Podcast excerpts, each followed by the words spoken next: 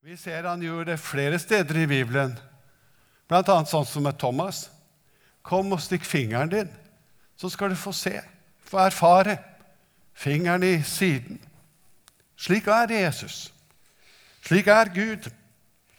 Han vil komme oss i møte i vår litt nedstemthet og vår angst og vår tvil. Så vil han komme nær oss og møte oss. Han kommer altså skeptikerne til møte. Han vet at de sier, de rundt omkring han i dag, at den som vitner om seg sjøl, han vitner falskt. Hans vitnesbyrd er ikke helt troverdig. Det var det de hadde hørt, det, det, det de sa. For Jesus han vitnet jo om seg selv. Han sa at 'jeg og Faderen, vi er ett'. 'Jeg er sendt fra Gud'. 'Jeg er verdens lys'. Han sa så mange slike ting. Og så var det noen som gikk, de hadde lest i Moseboka, og der står det at et vitnesbyrd Et vitne står fast ved to eller tre vitner. En sak står fast ved to eller tre vitner. Og så hadde de det inne. Og Jesus anerkjente den spørsmålsstillingen. Altså, han kom skeptikeren i møte i dag. Det syns jeg er litt fint. Han blir ikke sint, og så, og så, og så Han blir ikke aggressiv mot uh, oss når vi er litt nedstemte og litt skjelvende, litt angstfylte, og spør er det egentlig sant, dette med jula. Eller er det sånn som med julenissen og alt det andre? Er det bare liksom tilgjort, alt i hop? Er det bare noe vi er laga til for å komme inn i en sånn en suggesjon? En god stemning? Og så, og så blir vi liksom, vi trekker oss litt tilbake og setter oss på låven og drar oss i skjegget og tenker her er det best å være for oss. Litt sånn innenlandsfolk som jeg kommer ifra. Langt oppe i Hadeland. Der kan vi sitte der og gruble litt. Sånn kan det gå med oss skeptikere å få en ekstra mørk periode akkurat rundt jul.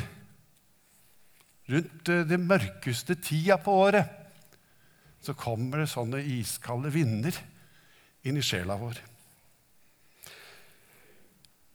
Da er det så godt at Jesus viser oss denne teksten, syns jeg. Døperen Johannes han omtales i teksten. Han var den største, hørte vi. Og Johannes var en brennende og skinnende lampe, står det. Og for en tid ville dere glede dere i lyset av ham. Han var altså en stor mann. Men likevel, andre steder i Bibelen så hører vi om nettopp denne store mann. Han som ikke tok bølgen av begeistring med en gang stemninga var på topp. Han som satte Herodes på plass. Han ble satt i fengsel.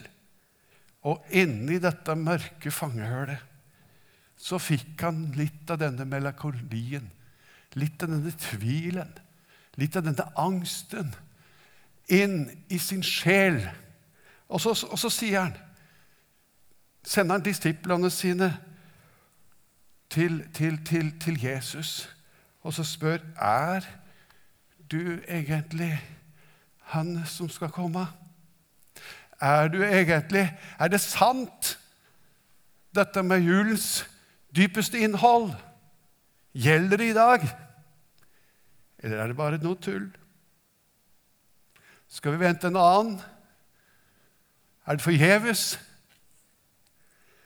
Og Jesus går da sier til disiplene, sier Johannes sine disipler, gå og fortell Johannes hva som skjer, hva dere hører,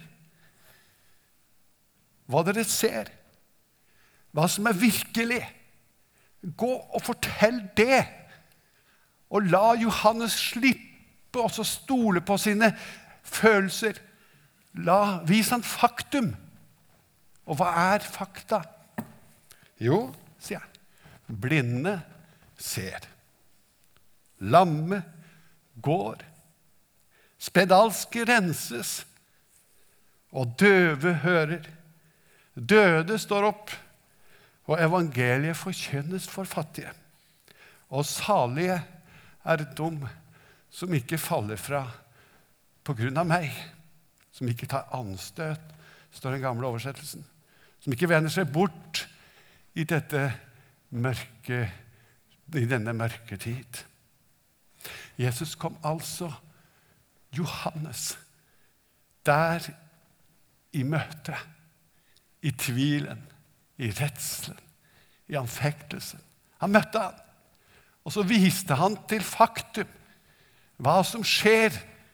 For disse fakta vitner om hvem jeg er. Kutt litt ut følelsene dine nå, Johannes, og bruk den andre delen av hjernen. Og tenk nøkternt på hva som egentlig skjer. Det er Jesus sjelesorg til oss i de melankolske perioder av vårt liv. Se hva som skjer. Han kommer altså oss i møte om julestemninga ikke er på topp. Han kommer oss i møte og gir oss hjelp. Og så ser jeg Jeg har tenkt på en slags illustrasjon. Det kan hende er litt vågalt å komme med denne illustrasjonen her.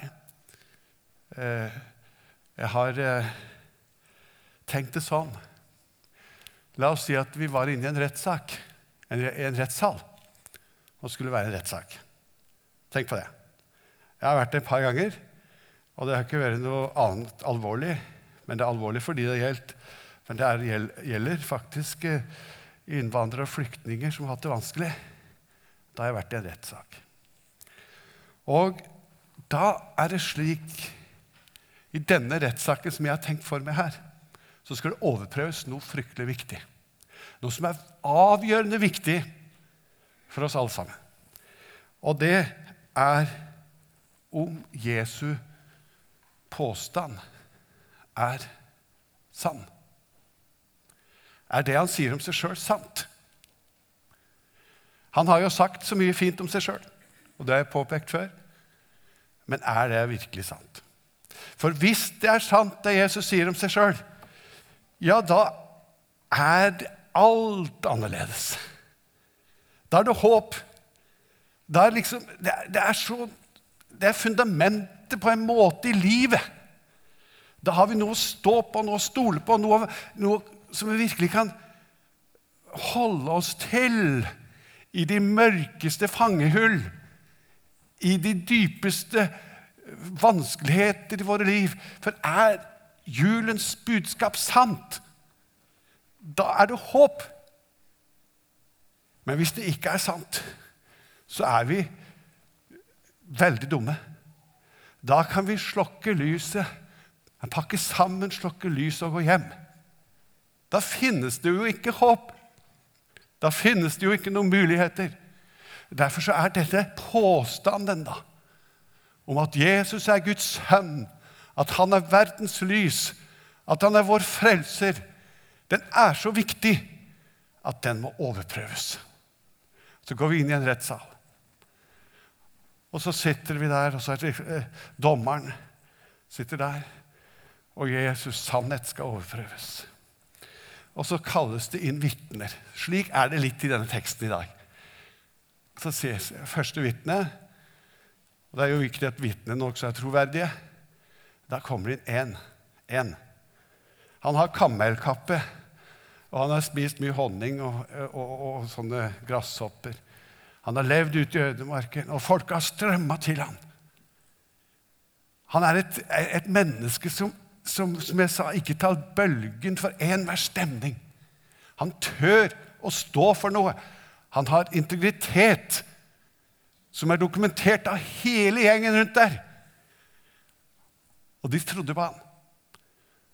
Og så bærer han fram sitt vitnesbyrd i denne rettssalen og sier, som han begynte, 'Han.' Jeg visste ikke hvem han var, sier han. Men jeg vet det nå. Han er den som bærer verdens synd, sier han inn der. Og jeg, sier han, jeg så en due komme over han. Og jeg hørte en røst ifra himmelen som sa at dette er min sønn, den elskede, i hvem jeg har min glede, sier han. Og så tar han videre mange slike vitneutsagn der i denne salen for å dokumentere at Jesus er den han er. Ja, det var jo et vitne som står veldig støtt, tenker vi. Han der kan vi stole på. For han gadd ikke å stryke Herodes etter hårene. Han sto der klart og tydelig og hadde på en måte en myndighet som vi aksepterer. Og Så kommer det et annet, vitne nummer to, som vi ser litt i denne teksten i dag. Og det er han som har vært kronisk syk i 38 år. Han var litt annerledes vitne. Jeg visste ikke hvem han var, sier han. Jeg er ikke helt sikker på hvem han var i utgangspunktet, men han befalte meg, og så ble jeg frisk. Men etter hvert så skjønte jeg hvem han var. Og så står dette vitnet fram og forteller om den gjerning som han har fått oppleve at Jesus har gjort. Da blir på en måte det et, et, et veldig troverdig vitne, det òg. De andre så det. De hadde sett at han har ligget der i 38 år. Og så hadde de sett at han var en taper. Han hadde fått kanskje en tapers identitet også. For hver gang det kom en engel og rørte i vannet, ja, så ble han etter. Han ble for sen. Han kom ikke ut i vannet. Og jeg ser det for meg, denne desillusjonerte mannen med det handikappet som han har. Han kom aldri ut. Og jeg ser for meg også hans ensomhet, for han hadde ingen, sier han, til å hjelpe meg uti. Men Gud så han, og Gud møtte han gjennom Jesus. Og så er han et vitne og forteller denne mannen har gjort meg frisk. Så sier Jesus at min, det, er, det er gjerninger som Far i himmelen gjør igjennom meg. Det er et vitne i denne, denne salen. Det er en bekreftelse på hvem Jesus er. Troverdigheten er altså som står på spill i denne form for rettssak. Troverdigheten til Jesus. Og så er det mange andre som kommer inn. Så er det slik at uh, det er en moderne rettssal, tenker vi oss nå. Og det kan vises litt filmer og sånn på, på, på lerret der for å dokumentere hvem denne mannen er. Og så, så kommer det som han sier, 'Mine gjerninger vitner om meg'. Da er det De ser liksom ut på sjøen, og det er så store bølger at det er i ferd med å gå under. Så stiller han seg opp, og så ber han til havet, sjøen, vær stille. Så blir det blikkstille. Hvem er denne mannen som havet, som, som naturlovene, er lydig? spør folk. Er det en som vi har ventet på? Er, det, er han den han sier seg å være? Og gjerning etter gjerning ruller fram på dette lerretet. Og Jeg har ikke tid til å dra hele Nytestamentet, men hele Nytestamentet forteller, da dokumenterer på en fin måte hvem Jesus er. Og så kunne vi gå videre og si etterpå Det er bare et lite utsnitt vi har lest. Men etterpå så kommer Jesus inn på en, en annen sak som kunne vært brukt i denne form for uh, rettssak. Dere, sier han til, til jødene, dere leser Skriftene. Men Skriftene taler om meg. Og det hadde vært grunnlag for en hel bibeltime. det. Å ta opp det som står i Gamle testamentet, Helt ifra at dere hørte om at i denne Evas ett så skulle det komme en som skulle knuse slangens hode. Det som kalles for det første evangelium. Og så er det det går utover i hele Gamle testamentet og fremover og fremover.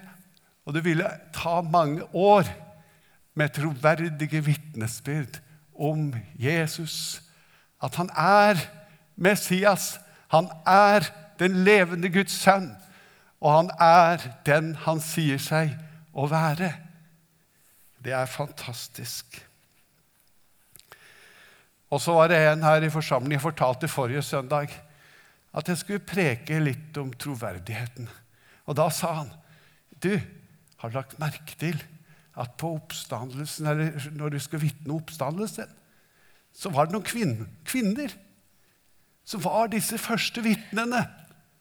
Og visst, sa han, at dette var oppdiktet, så hadde man ikke valgt kvinner. For kvinne, en kvinne som skulle vitne, hadde ikke samme troverdighet som en mann. Og hvis det var noen som skulle lage til historie, så hadde de i hvert fall ikke valgt kvinner i denne settingen. Ja, det var et godt poeng. Veldig godt poeng. Og da har jeg lyst til å avslutte denne talen med å si at etter Det er 2000 år siden dette hendte. Og etter tusenvis av angrep på Jesu troverdighet, så er Jesu vitnesbyrd fortsatt til stede blant oss. Og jeg vil si sterkere enn noen gang. Sterkere enn noen gang. Det er tusenvis, millioner, milliarder som har tatt imot vitnesbyrd om Jesus. Og det er en sky av vitner omkring oss. Derfor kan vi som kjenner litt av til julens melankoli, glede oss. Vi kan fryde oss over at Han som er julens egentlige innhold, er troverdig. Han lever, og han er verdens frelser. God julefeiring til dere alle sammen.